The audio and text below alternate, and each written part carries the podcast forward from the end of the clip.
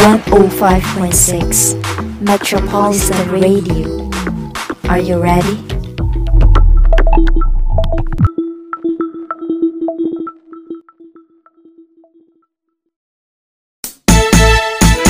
Informasi terkini dan teraktual semuanya hanya di Bento. Bento Topik. 105,6 FM Siaran praktikum komunikasi sekolah vokasi IPB Metropolitan Radio. Halo, selamat pagi kometro semua. Yang mungkin masih sibuk kerja work from home Atau kometro yang lagi di jalan nih Untuk beraktivitas di luar rumah. Ketemu lagi bareng Azhar di sini Dan tentunya Azhar nggak sendirian loh Karena seperti biasanya nih Selalu ditemanin sama Sovita Supaya makin ngeramein harinya Kometro semua. Hai kometro semuanya Iya nih, kayaknya emang gak ada lagi ya yang mau nemenin Azhar Jadi setiap hari kalian harus dengerin Azhar Yang tentunya sepaket sama aku, Sovita Apa kabarnya nih kometro? Udah pada sarapan belum? Semoga semua dalam keadaan sehat ya Jangan lupa untuk selalu jaga diri agar tidak sakit Betul banget, Sof. Apalagi di Indonesia sendiri, pandemi COVID-19 ini masih belum selesai. Jadi, sekarang ini kita semua harus lebih berhati-hati ya, dan mematuhi protokol kesehatan yang berlaku. Oke, Kometro, stay tune terus ya di program acara kesayangan kita. Apalagi kalau bukan di program Bento, Best on Topic, siaran praktikum komunikasi sekolah vokasi IPB.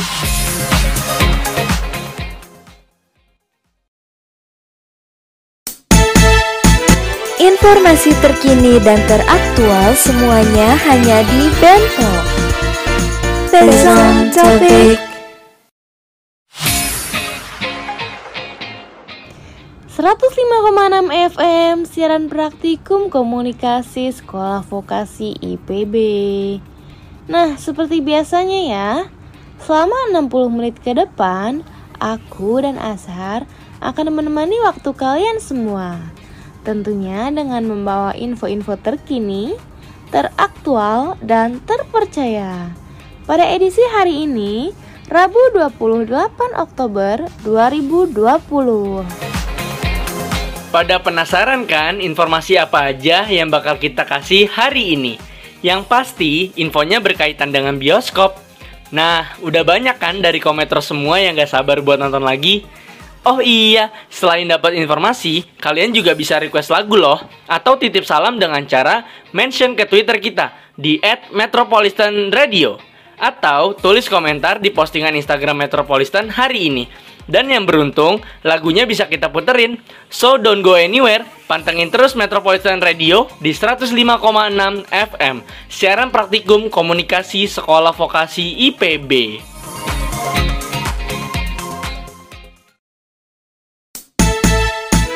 Informasi terkini dan teraktual semuanya hanya di Bento. Bento Topik. 105,6 FM Siaran praktikum komunikasi sekolah vokasi IPB Oke Kometro, masih di Metropolitan Radio bareng aku Azhar Dan aku Sovita, tentunya masih dalam program acara Bento, Best on Topic. Seperti yang aku bilang sebelumnya nih Kometro semua Kali ini kita akan memberikan informasi-informasi menarik bagi kalian Buat informasi yang pertama, kita mau bahas kabar dibukanya kembali bioskop di beberapa kota di Indonesia nih Sof. Wah, serius Zar. Setelah 7 bulan bioskop tutup, akhirnya sekarang kita bisa nonton lagi dong. Serius banget lah Sof. Jadi, setelah selama 7 bulan ini bioskop ditutup, karena adanya pandemi virus COVID-19, akhirnya bioskop dibuka lagi nih.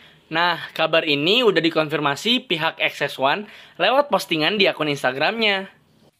Oke oke oke. Berarti bukan hoax dong ya kalau udah XX-nya sendiri yang ngumumin. Um, oh iya Zar, tapi masih banyak nih kometro yang bingung. Katanya di daerah mereka tuh bioskopnya belum pada buka. Terus yang buka itu cuma XX1 aja ya? Bentar Sof, kan infonya belum selesai. Jadi, seperti yang Azhar bilang sebelumnya, emang bioskop yang buka itu cuma baru di beberapa kota. Nah, kota-kota yang sudah bisa menyaksikan sajian XS1 ini ada di Ternate, Jayapura, Pontianak, Bandung, Banjarmasin, Samarinda, dan baru-baru ini Jakarta menyusul nih buat buka. Kabarnya lagi, dalam waktu dekat bioskop di Semarang juga akan buka nih. Jadi, buat kometro semua yang ada di beberapa kota tadi, mending cepet-cepet deh pada pikirin mau nonton apa. Wah, fix banget sih Nizar. Pokoknya balik siaran, kita langsung nonton. Ed, bentar. Kalau mau nonton juga harus tahu dulu dong prosedur untuk bisa memasuki auditorium bioskop. Ya udah tahu dong. Kan sekarang udah new normal. Berarti prosedurnya juga udah berbeda dong dari biasanya. Oh iya, ini harus diinget nih. Pokoknya waktu kometer semua ngantri, harus tetap jaga jarak ya. Dan jangan lupa selalu memakai masker. Oh ya, sebelum masuk bioskop, kometro bakal dicek suhu dulu nih terlebih dahulu. Kalau suhu kita normal atau kurang dari 37,7 derajat Celcius, udah pasti boleh masuk sih. Oh ya nih, kelupaan. Sebelumnya harus isi formulir dulu ya, Kometro. Terang aja, formulir ini cuma untuk data kondisi kesehatan aja kok. Yang terakhir, jangan lupa pakai hand sanitizer. Terus, udah deh, Kometro bisa masuk ke aula bioskop. Ada yang kelewat tuh, Sof. Jadi, buat pembelian tiket juga semuanya dilakukan secara online ya, melalui aplikasi pemesanan tiket yang biasanya Kometro pakai. Nanti tiketnya bisa di-scan di self ticket machine yang disediakan. Pokoknya udah nggak ada lagi deh transaksi tunai di bioskop. Selain nggak ada transaksi tunai, nggak ada lagi juga makan sambil nonton. Karena emang udah ada peraturannya kalau pengunjung nggak boleh makan di auditorium. Iya benar banget tuh Zar. Tapi tenang aja nih, Buat kometro semua yang mau ganjel perut dulu, di beberapa bioskop sekarang disediain tempat makannya sendiri loh. Jadi sekarang ada fasilitas yang namanya XX1 Cafe ya kometro. Lagian mau makan di auditorium gimana? Orang selama nonton kan juga harus tetap pakai masker. Tapi itu juga buat keamanan kita sendiri loh Sof. Kan kita semua tahu kalau masker itu mencegah penularan virus. Buat masalah makan nih, kalau saran dari Azhar sendiri sih, ya udah Kometro mending kenyang dulu aja di rumah ya. Jadi pas mau nonton nggak perlu bingung cari makan lagi. Oh iya, info lagi nih, buat kapasitas pengunjungnya sendiri udah pasti dikurangin ya Kometro. Jadi, nggak perlu khawatir karena di era new normal ini hanya 25% pengunjung yang boleh masuk. Jadi, misalnya dalam satu auditorium ada 100 kursi, nah berarti cuma 25 orang aja nih yang boleh masuk. Terus buat duduknya itu gimana Zar? Kan jarak kursi bioskop deket-deketan. Iya, kan pasti ada kursi yang nggak boleh dipakai dong, Sof. Jadi, jarak satu kursi ke kursi lainnya itu terhalang dua kursi yang nggak boleh dipakai. Atau kira-kira jaraknya tuh sekitar satu meter setengah. Jadi, lebih aman kan? Masa pas antri di luar jaga jarak, pas nonton di dalam enggak? Kalau gitu kan sama aja. Eh, Zar, tapi bukannya info awal tuh kapasitas pengunjungnya bisa sampai 50% ya? Kok sekarang jadi 25%? Nah, buat ngelurusin masalah banyaknya kapasitas nih, emang udah dijelasin sama pihak bioskop sendiri. Jadi, awalnya para pengelola bioskop meminta agar kapasitas pengunjung sebanyak 50%. Karena jika pengunjung yang datang kapasitasnya di bawah 50%, pasti tidak layak secara ekonomis baik bagi pengelola bioskop maupun produser film yang nayangin filmnya. Nah, sayangnya permintaan itu ditolak oleh pemerintah dengan alasan keamanan. Sebagai solusinya, pemerintah mengizinkan bioskop dibuka dengan kapasitas hanya 25% dari kapasitas keseluruhannya, Sof. Oh, jadi gitu. Ya udah deh, sebagai masyarakat yang baik, kan kita harus menaati protokol yang berlaku. Iya nggak ke Metro? Oh iya, baik lagi Zar ngomongin fasilitas Cafe XX1 ini. Katanya ada layanan pesan antar ya? Wah iya bener, kayaknya Azhar tahu banget ya soal XX1. Jadi, Kometro bisa menikmati layanan pesan antar ini lewat ojek online. Karena tahu sendirilah, semenjak pandemik pasti banyak yang kangen kan nonton di bioskop, makanannya, bahkan bau bioskop aja orang-orang pada kangen. Nah, akhirnya pengelola bioskop meluncurkan layanan ini buat kometro semua yang kangen makanan SS1 Cafe. Tapi belum berani buat beli langsung. Seenggaknya kan ngobatin rasa kangen gitu. Iya Zar, katanya sejak diperkenalkan di bulan September ini, respon masyarakat tuh antusias banget loh. Bahkan dalam sehari bisa melayani sampai 300 porsi. Banyak juga ya yang kangen sama makanan bioskop. Iyalah Sof, secara 7 bulan tuh lama banget kan. Yang sering nonton pasti pada kangen kan sama makanan bioskop. Oh iya, ngomongin soal bioskop, aku jadi mau nanya nih. Kometro masih inget gak sih film-film yang gagal tayang karena pandemi COVID-19? Wah, kalau itu sih pasti pada inget kan? Kayak misalnya film Mulan sama A Quiet Place. Film itu kan banyak banget tuh ditunggu-tunggu sama penggemarnya. Tapi malah gagal tayang. Azar aja jadinya nonton film itu streaming di laptop. Emangnya ada apa nih bahas-bahas soal film? Nah, buat mengobati kekecewaan kometro yang hobi nonton di bioskop, aku mau kasih tahu nih, film apa aja sih yang tayang di bioskop sekarang ini? Yang pertama ada dari Black Widow.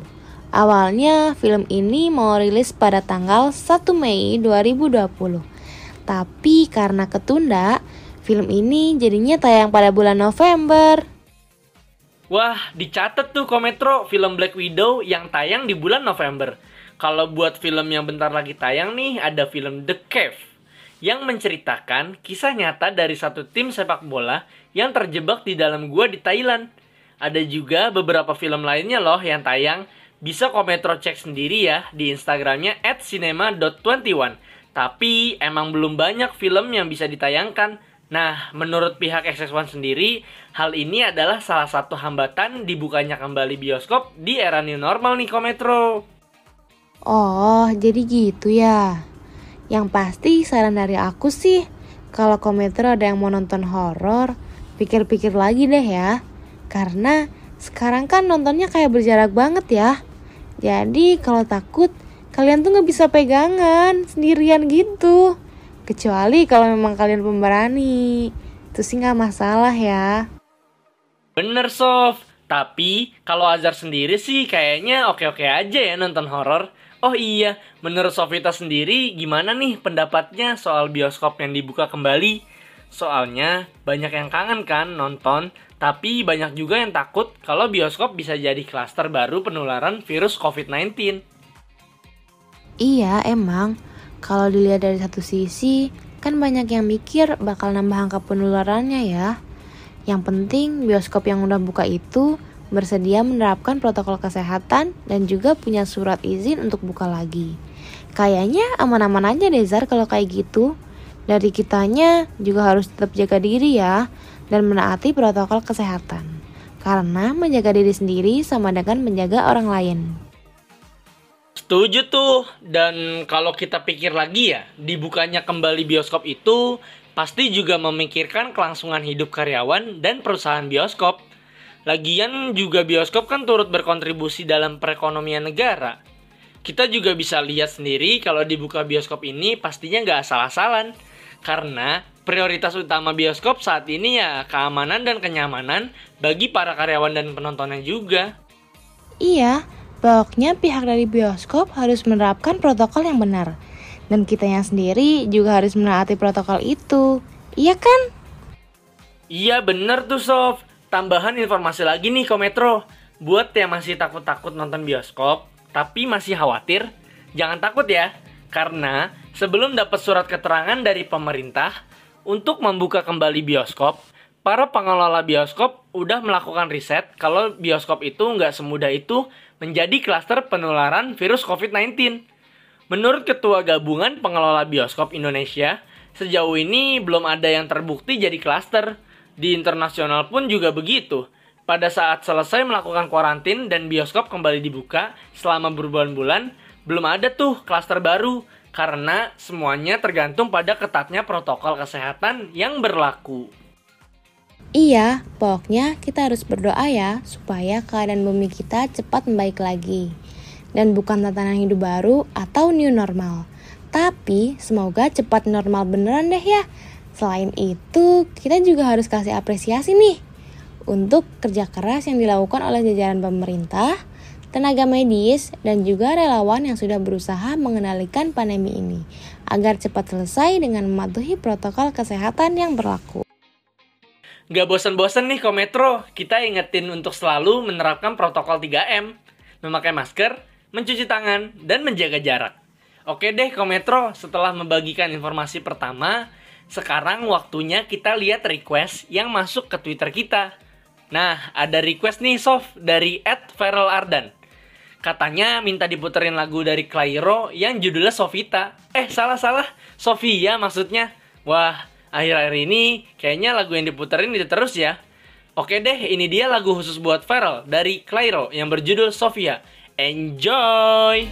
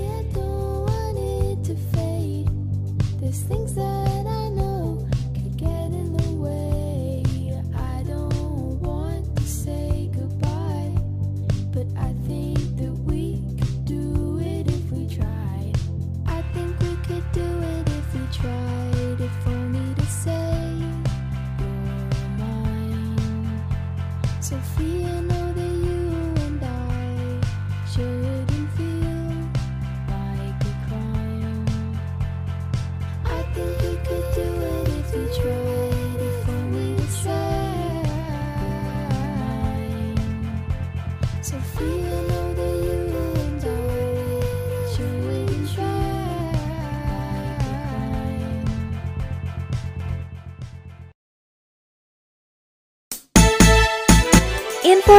terkini dan teraktual semuanya hanya di Bento. Benzon Topik. 105,6 FM Siaran Praktikum Komunikasi Sekolah Vokasi IPB Hai Kometro Ternyata penderita masalah kesehatan mental selama pandemi ini pada April sampai Agustus 2020, tercatat dari 4.010 orang yang periksa, 64,8% di antaranya mengalami gangguan psikologis, dan sebagian besar dialami oleh perempuan, dengan perbandingan sebesar 71% dan 29% yaitu laki-laki. Sebagian besar merasa cemas, depresi, dan trauma. Di tengah situasi pandemi COVID-19 saat ini, selain fisik, kesehatan mental juga harus dijaga. Kesehatan jiwa yang baik dapat meningkatkan daya tahan tubuh dari penyakit.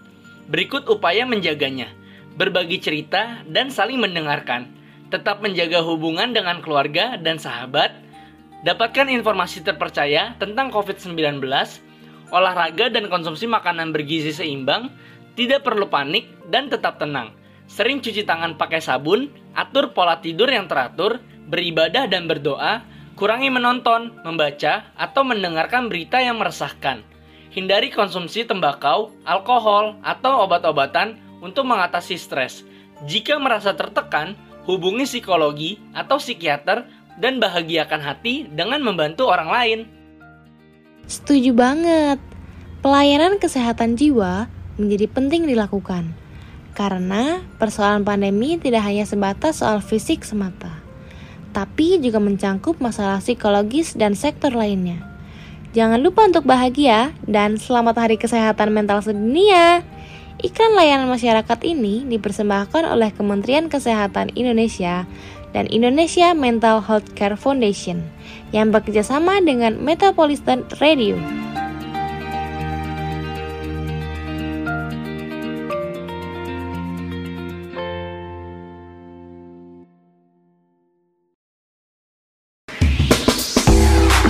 105.6 Metropolitan Radio. Are you ready?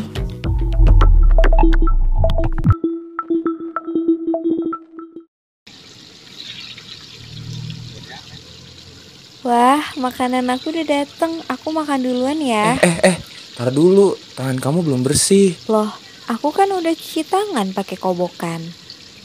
Eh, kobokan doang mah belum tentu bersih. Nih, pakai hand sanitizer. Gak mau ah, nanti tangan aku kering. Udah pakai aja. Eh, wangi ya? Lembut juga. Apa nih? Ini namanya Dixol hand sanitizer. Dixol hand sanitizer menghilangkan 99,69% bakteri dan kuman di tangan. Terbuat dari 100% bahan alami yang tidak akan merusak kulit.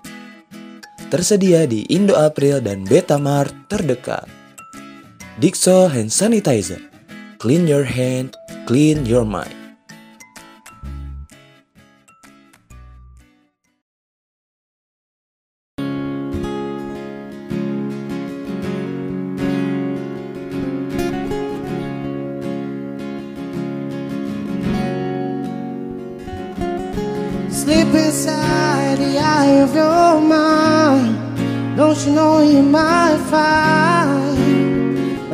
Place to play? You said that you'd never be, but all the things that you see will slowly fade away. So I start a revolution from my bed. Guess you said the brains I had went to my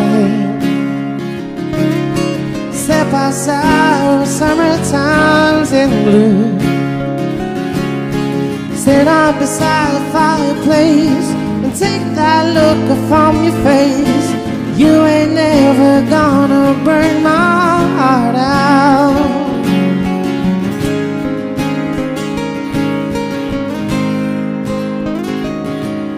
So Sally can wait. Knows it's too late as she's walking on by.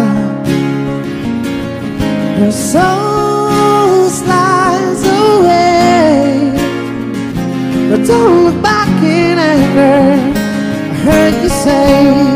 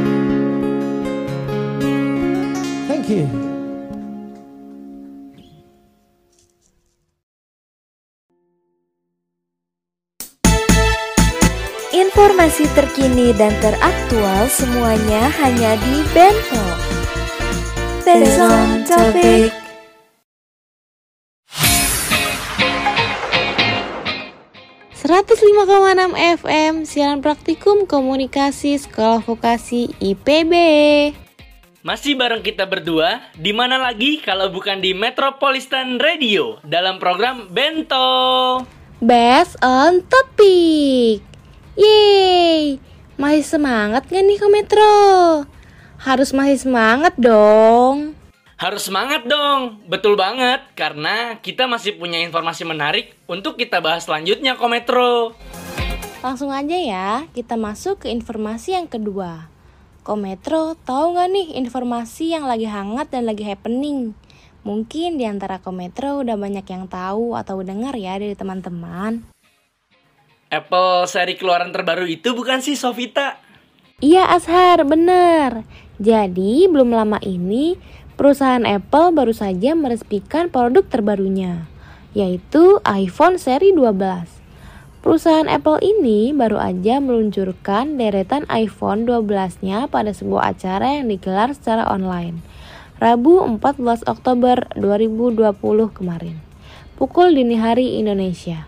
Ternyata jenis atau varian yang dikeluarkan Apple untuk iPhone 12-nya itu ada 4 loh kometro, yaitu iPhone 12 mini, iPhone 12 reguler, iPhone 12 Pro, dan yang terakhir iPhone 12 Pro Max. Dari informasi yang aku kumpulkan dan aku baca juga nih Kometro, iPhone 12 ini selain desain dan fitur-fiturnya yang baru, juga digadang-gadang jadi top jempolan banget loh soal peningkatan spesifikasinya dibandingkan seri sebelumnya. Pada prosesor misalnya, jajaran iPhone 12 sudah pakai chipset A14 Bionic. Keempat ponsel baru ini juga hebatnya sudah sangat mendukung untuk penggunaan jaringan internet 5G. sudah 5G aja nih. Apple semakin terdepan ya. Oh iya, yang menariknya lagi nih, dari seri iPhone ini itu di luar spesifikasinya yang sekaligus membedakan masing-masing iPhone dari setiap generasi. Spesifikasi meningkat adalah hal wajib untuk setiap seri baru. Tapi, fitur merupakan inovasi yang belum tentu disematkan pada seri baru. Nah, di seri iPhone terbaru ini, Kometro bisa menemukan fitur hingga desain yang baru loh. Apa aja tuh? Yuk, yuk, disimak. Nah, untuk yang pertama itu ada desain. Nggak sedikit yang bersuara kalau desain iPhone 12 ini mengingatkan kita pada iPhone 5 pada masa jayanya ya kan? Betul atau betul Kometro? Desain iPhone 12 ini dengan sisi aluminium datar mirip dengan iPhone 4 yang dirilis satu dekade yang lalu. Ini merupakan desain ulang besar-besaran pertama untuk layar smartphone Apple tanpa bingkai sejak iPhone X dirilis pada tahun 2017 yang lalu.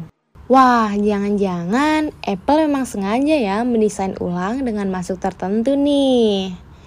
Oh iya Kometro, Apple juga masih mempertahankan gaya poni lebar iPhone X loh untuk menampung kamera depan dan ragam sensor lainnya. Dan lagi-lagi, Apple melindungi layarnya dengan keramik shield yang diklaim lebih kuat 4 kali dari kaca ponsel di mana pun. Lanjut untuk yang kedua, yang kedua ini fiturnya nih Kometro.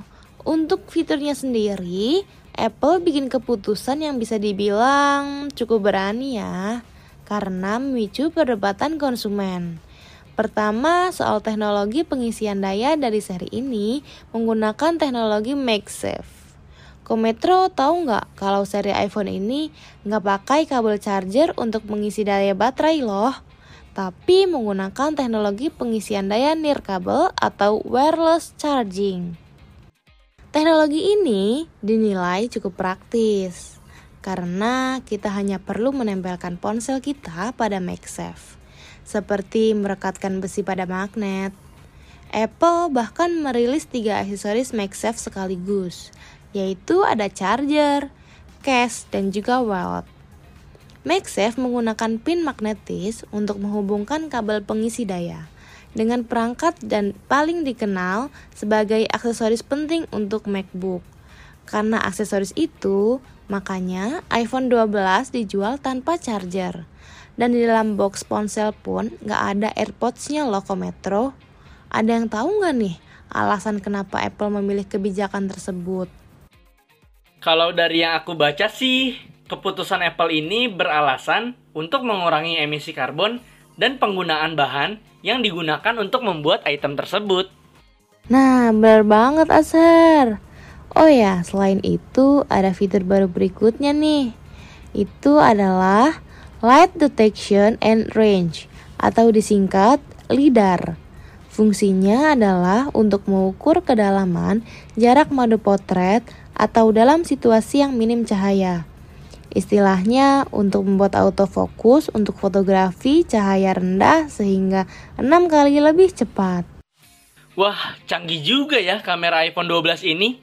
Oke, next. Seri iPhone 12 adalah seri pertama yang dibekali kemampuan jaringan internet 5G. Saat acara peluncuran iPhone 12, Apple mengatakan saat ini telah menguji kinerja kemampuan dengan 100 operator di 30 negara. Eh, tunggu, tunggu, tunggu, tunggu. Selain itu, ada fakta misteri nih.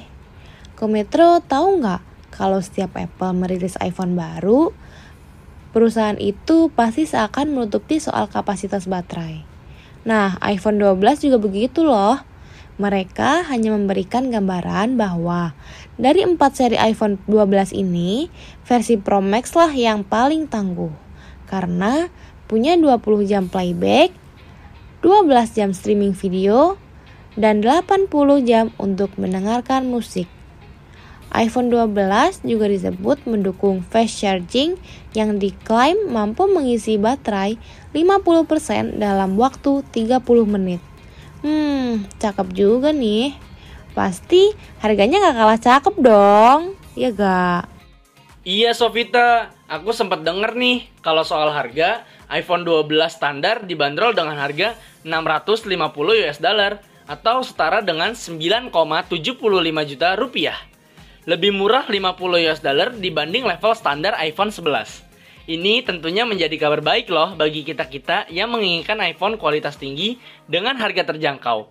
Kalau iPhone 12 Max nih dibanderol mulai dari 11,25 juta rupiah, iPhone 12 Pro seharga 15 juta rupiah, dan iPhone 12 Pro Max seharga 16,5 juta rupiah. Selain dari harga, perbedaan keempat varian iPhone 12 ini apa aja sih, Sofita? Nah, iPhone 12 ini menawarkan empat varian yang berbeda loh. Desainnya sih sama, prosesor dan teknologi layarnya pun sama. Terus, bedanya apa dong? Perbedaan terbesar itu terlihat dari besarnya layar, harga yang tadi sudah disebutkan, serta dari kapabilitas kamera dan memorinya ke Metro. Kita bahas satu-satu ya. Pertama, iPhone mini. Perbedaan antara iPhone 12 mini dengan iPhone 12 reguler atau standar adalah dari segi ukuran, besarnya layar, dan juga harga. Nah, kalau warna atau opsi memori internal, kamera, dan hardware, keduanya itu identik ya, alias sama persis. iPhone 12 mini ini cocok bagi kometro yang ingin smartphone yang compact, mudah digenggam, dan juga mudah dimasukkan ke saku. Karena layarnya cuma sebesar 5,4 inci loh. Pasar penggemar smartphone kecil masih banyak, Terbukti pada iPhone SE 2020 yang mengusung form factornya iPhone 6. Laris manis. Sebaliknya, mereka yang ingin melihat konten di layar yang besar kemungkinan tidak akan terpuaskan dengan layar kecil iPhone 12 mini ini. Kalau iPhone 12 reguler dari semua model iPhone terbaru, iPhone 12 ini yang kemungkinan besar bisa menarik konsumen dari segi kalangan loh. Ukurannya pas, layarnya 6,1 inci, sama seperti iPhone 12 Pro. Tidak besar, tapi juga tidak kecil, serta hardware-nya pun dapat diandalkan. iPhone 12 reguler ini hanya dibekali kamera wide dan ultra wide sebesar 12 megapiksel. Dari segi RAM juga beda nih. Kalau iPhone 12 reguler ini RAM-nya sebesar 4 GB, tapi nih Kometro, ada tapinya nih sebentar iPhone 12 ini kayaknya kurang menarik bagi yang sudah punya iPhone 11. Wah, kenapa tuh? Karena perubahannya nggak besar-besar banget, sehingga mungkin banyak dari pengguna iPhone 11 yang masih akan menahan diri untuk nggak membeli iPhone 12 ini. Ya, kecuali memang ingin selalu mengikuti tren. Nah, selanjutnya ini ada dari iPhone 12 Pro. Meskipun ukurannya sama dengan iPhone 12 biasa, tapi iPhone 12 Pro ini lebih terasa premium wujudnya dan kamera yang lebih canggih. Kamera utama terdiri dari tiga unit dengan Neural Engine serta sensor LiDAR dari iPad Pro untuk kemampuan foto potret saat mode malam. Varian ini cocok bagi kometro yang sangat mementingkan kualitas kamera, yaitu tiga kamera belakang yang terdiri dari wide, ultra wide, dan telefoto berukuran 12 megapiksel. Dan tambahannya nih kometro, iPhone 12 Pro ini RAM-nya sebesar 6 GB loh. Tapi karena pandemi corona ini, pemasaran iPhone 12 Pro lebih lambat dari yang lainnya sehingga mungkin tidak cocok bagi penggemar Apple yang ingin segera memeluk iPhone terkini dengan cepat. Untuk sebagian orang yang tidak peduli dengan kamera, karena kualitas kamera iPhone sudah baik di segala model, barangkali lebih tertarik pada iPhone 12 biasa. Yang terakhir ialah iPhone 12 Pro Max. Apa sih yang menarik dari seri iPhone 12 paling mahal ini? Selain tahan air dan debu, mungkin bagi yang ingin memiliki iPhone 12 dengan segala kemampuannya yang maksimal, iPhone 12 Pro Max adalah jawabannya. Ukurannya paling besar di antara iPhone lain, yaitu 6,7 inch. Kemampuan kameranya pun lebih maksimal, di mana sensor utama pikselnya lebih besar dari iPhone 12 Pro. Dengan harga super mahal, iPhone 12 Pro Max ini sangat cocok bagi yang anggarannya tinggi dan ingin ponsel berukuran besar. Sebaliknya nih, iPhone 12 Pro Max tidak akan sesuai bagi yang budget pembeli ponselnya terbatas. Karena harganya ya bisa tembus mencapai sekitar 20 juta rupiah. Atau meskipun punya uang untuk menebusnya, memang tidak ingin punya ponsel yang terlalu besar dan jumbo. Eits, tunggu dulu nih Kometro. Kayaknya kurang afdol ya kalau kita nggak membahas kelebihan dan kekurangannya. Nah, langsung aja nih. Supaya informasinya lebih valid, kita ambil informasinya dari youtuber gadget terkenal aja ya. Yaitu Marquez Brownlee lewat video di channel YouTube-nya yang berjudul iPhone 12 Unboxing Experience plus Makeshift Demo. Dari yang aku tangkep waktu nonton videonya sih, iPhone 12 ini memang terlihat dan terasa bagus ya, karena sangat solid. Marquez mengaku sangat tertarik dengan desain yang baru yang diusung Apple ini. Ia menyebut kalau iPhone 12 ini mirip dengan iPad Pro atau iPhone 4 dan iPhone 5. Bodi iPhone 12 yang kotak, bukan melengkung, disebut lebih nyaman untuk digenggam. Namun, Marquez menyayangkan jika Apple ternyata masih menggunakan port Lightning khasnya dibanding alih-alih menggunakan USB Type-C. Selain iPhone 12, Marquez juga turut mengulas unit iPhone 12 Pro. Dari segi bodi, salah satu perbedaannya ada di sisi frame atau bingkai casingnya. iPhone 12 Pro memiliki frame yang terbuat dari stainless steel. Sementara iPhone 12 bingkainya terbuat dari matte aluminium dan Marquez mengakui lebih menyukai matte aluminium. Karena panel pemindai sidik jari yang digunakan pada material stainless itu tidak selalu enak dipandang loh Metro. Buat yang belum tahu nih, panel pemindai sidik jari iPhone 12 itu terletak di bagian samping. Dalam video yang diunggahnya pun, Marquez juga mencoba MagSafe, yaitu pengisian daya nirkabel baru buatan Apple yang memiliki daya 15 watt. Yang udah sempat kita bahas juga sebelumnya Kometro. Seperti yang kita tahu, Apple memang tidak menyertakan charger di dalam kotak pembelian iPhone 12 dengan alasan agar lebih ramah lingkungan. Pengguna nanti akan dipersilahkan menggunakan charger iPhone yang sudah dimiliki sebelumnya atau bisa dengan membeli charger USB secara terpisah. Nah, Kometro, salah satu yang menjadi kritik Marquez adalah Apple hanya menyertakan unit ponsel, buku-buku panduan, stiker Apple, dan konverter kabel USB-C ke Lightning. Sedangkan selama ini Apple selalu menyertakan kepala charger dengan port USB Type A. Sayang banget ya Kometro. Wah, sayang banget ya Zar.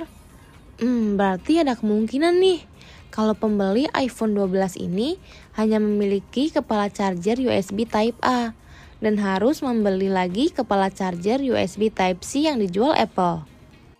Tuh kan, untung diulas reviewnya sama kita. Jadi, kometro di rumah dan di mana pun kalian berada jadi tahu deh. Selain menawarkan banyak keunggulan, ternyata iPhone 12 punya kelemahan yang bisa dipertimbangkan juga loh. Oh iya, kalau soal teknologi MagSafe-nya sendiri gimana Zar? Nah, soal teknologi chargingnya sendiri nih, kurang memuaskan katanya. Soalnya saat dicoba itu magnetnya nggak terlalu kuat, jadi panel MagSafe-nya sering lepas dari punggung si iPhone 12 itu. Terus, katanya posisi potongan-potongan yang di sebelah kanan di bawah tombol daya itu juga terasa mengganjal dan tidak simetris. Pada nggak tahu buat apa. Sedangkan tombol fisik semua terletak di sisi kiri. Nah, jadi potongan yang di sebelah kanan itu sebenarnya antena untuk jaringan 5G-nya itu Kometro. Tapi aku juga pernah denger nih, kalau salah satu kehebatan iPhone 12 ini bisa memindai wajah pemiliknya walau kita memakai masker loh. Canggih banget kan Kometro? Jadi ini salah satu keunggulan iPhone dalam kinerja Face ID-nya ya. Keren banget Zar. Terus ada juga nih keunggulan dari iPhone 12 Pro yang memiliki kapasitas memori yang lebih besar daripada iPhone 12 biasa, yaitu sebesar 6 GB. Seperti yang udah kita jelaskan tadi ya berarti. Dari sektor kamera juga nih, iPhone 12 ini mendapatkan penilaian yang positif. Untuk yang pernah nyoba, katanya hasil gambarnya itu memiliki warna dan detail yang lebih kaya. Hasil pengakuan dari youtuber tadi, katanya sih masih lebih suka hasil jepretan iPhone 11 Pro. Kerasa banget tuh, perbedaan yang mencolok itu ada pada pengambilan gambar di siang hari. Kamera iPhone 12 Pro menghasilkan gambar yang lebih hangat atau warm dibanding iPhone 11 Pro. Nah, kita kan dari tadi udah mengulas dari segi keunggulan juga kelemahan tiap-tiap variannya kan, Kometro. Kira-kira Kometro sudah menemukan belum pilihan yang tepat? Atau mau nabung dulu? Kalau Sofita sendiri nih, kira-kira suka pilihannya mana, Sof? Kalau aku sih naksir yang mini nih kayaknya. Soalnya mirip aku nih, imut-imut gitu. Kalau kamu milih yang mana, Zar? Kalau boleh disuruh milih sih, kayaknya aku tertarik yang reguler. Mungkin dari harga kan ya, ada di range pertengahan. Jadi nggak terlalu mahal banget. Udah gitu, dari segi ukuran layarnya juga nggak terlalu kecil dan nggak terlalu besar kayak seri Pro Max Soft. Hmm, kalau Kometro sendiri lebih tertarik ke pilihan yang mana nih? Oh ya, jangan lupa ya untuk share pendapat kalian tentang iPhone 12 ini ke akun Twitter kita di Metropolitan ya. Rehat dulu yuk buat santai-santai dengerin lagu dari Mas Kunto Aji. Kometro juga bisa sambil makan cemilan atau minum kopi untuk dengerin lagu ini. Pokoknya senyamannya aja ya. Oke? Ini dia Rehat by Kunto Aji. Enjoy!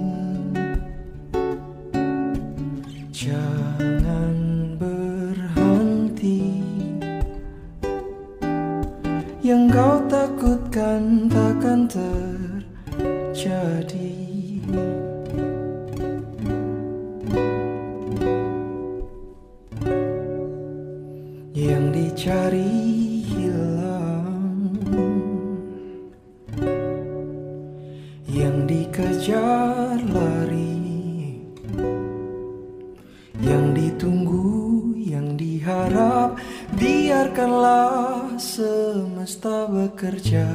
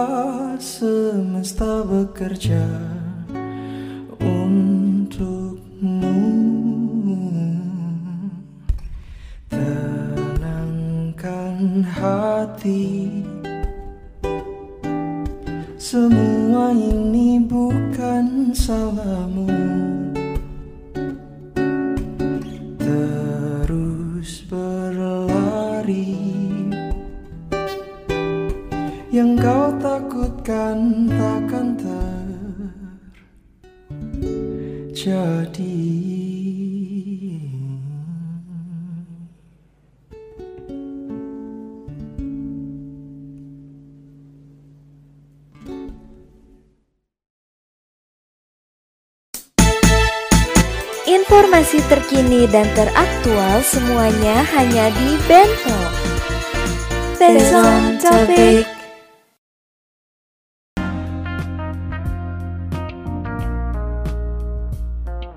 Malam hari gini waktunya sci-fi. Nikmati musik dan playlist nonstop. Mainkan lagu-lagu favoritmu sambil nyanyikan liriknya. Kamu bisa mendengarkan secara gratis atau update ke premium. Dapatkan kualitas suara menakjubkan dan tanpa iklan. Mainkan lagu sesukamu, dengarkan tanpa koneksi internet, mainkan sekarang dengan sci-fi. Hanya 49.900 per bulan, kamu bisa menikmati semua layanan premium. Karena sci-fi punya yang kamu suka.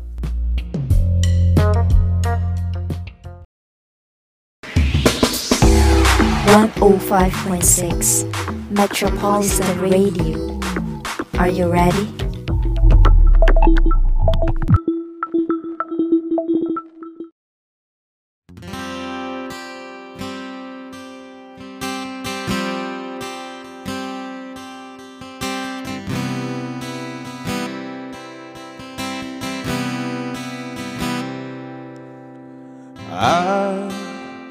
Akhirnya ku menemukanmu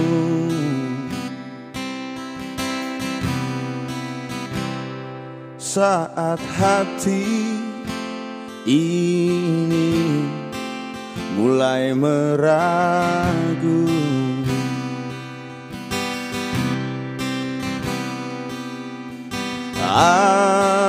Akhirnya ku menemukanmu.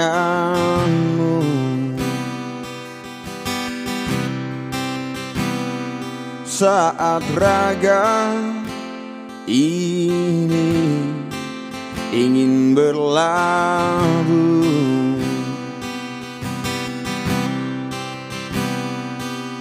Ku berharap engkaulah jawaban segala risau hatiku dan biarkan diriku mencintaimu hingga ujung usiaku.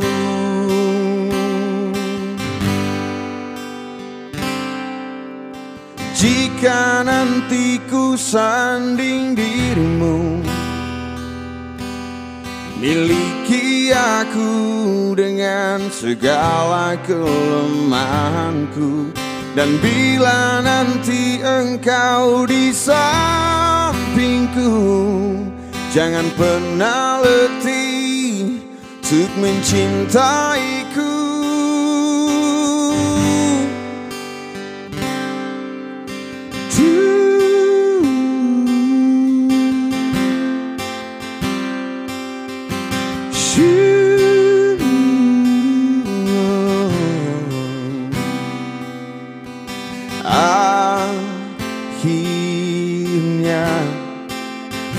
menemukanmu.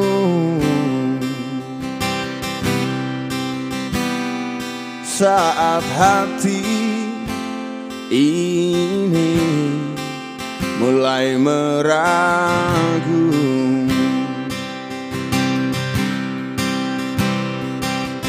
Ku berharap engkaulah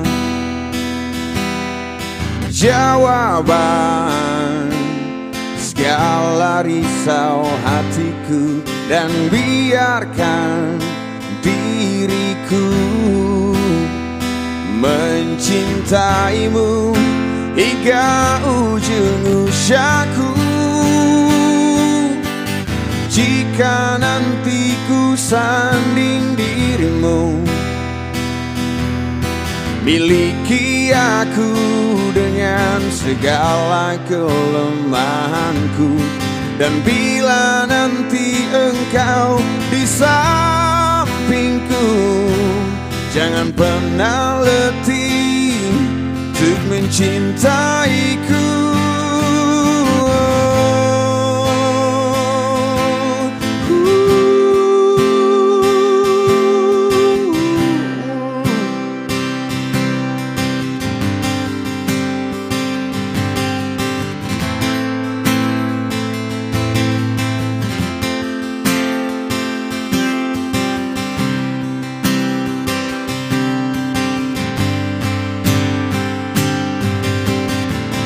Jika nanti ku sanding dirimu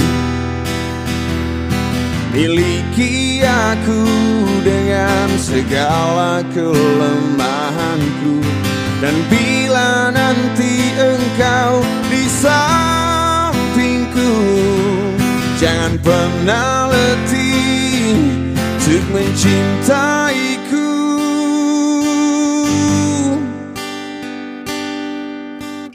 Akhirnya ku menemukanmu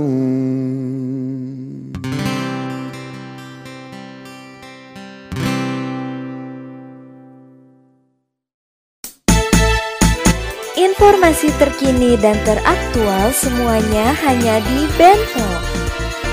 Based on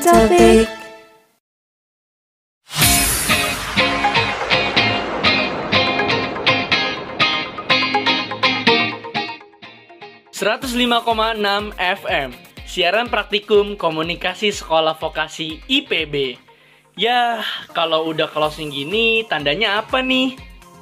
Tandanya kita udah satu jam nih menemani kometra semua dari awal hingga akhir. Oh iya, aku mau ngucapin terima kasih nih untuk kometra semua yang udah nyimak informasi menarik dari aku dan juga Azhar. Dari awal hingga akhir siaran ini. Semoga informasi yang tadi kita sampaikan bisa bermanfaat ya untuk kometra semuanya. Sejujurnya aku cukup sedih karena harus udahan gitu aja, Sof. Nggak perlu sedih dong Zar, tenang aja. Kita berdua tentu akan hadir kembali dalam program yang sama yaitu Bento. Tentunya di jam yang sama juga dong. Jadi jangan sedih ya. Kalau mau dengerin informasi menarik dari program Bento, harus tahu channel mana dan radio mana ya, Sof? Pastinya di Metropolitan Radio 105,6 FM. Asik! Oke Kometro, kita berdua pamit undur diri ya. Tapi jangan lupa nih untuk tetap patuhi protokol kesehatan di mana pun Kometro berada. Mau di rumah, di jalan, di kantor, pokoknya di mana aja deh. Nah iya itu betul banget tuh Zar. Jangan lupa ya selalu cuci tangan pakai sabun, menggunakan masker, menghindari tempat kerumunan, dan menjaga pola makan. Tentunya itu akan membantu kita semua dalam menekan angka peningkatan kasus COVID-19 ini loh. Kita berharap sih semoga corona ini cepat berlalu ya Zar, biar kita bisa beraktivitas seperti sedia kala gitu. Sama Sof, aku juga berharap seperti itu. Makanya kesadaran dari kita semua, termasuk Kometro, untuk tetap menerapkan protokol kesehatan di mana pun kita berada. Ayo buruan, jangan kelamaan closingnya. Kita berdua pamit undur diri ya Kometro. Aku Azhar, Dan aku Sofita. Kita pamit undur diri ya. selamat melanjutkan aktivitas ya Kometro. See you next time. Bye-bye, Kometro Kometro semuanya.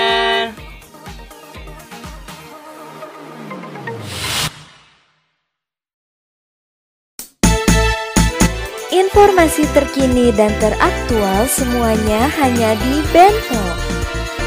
Based on topic. 105.6 Metropolitan Radio. Are you ready?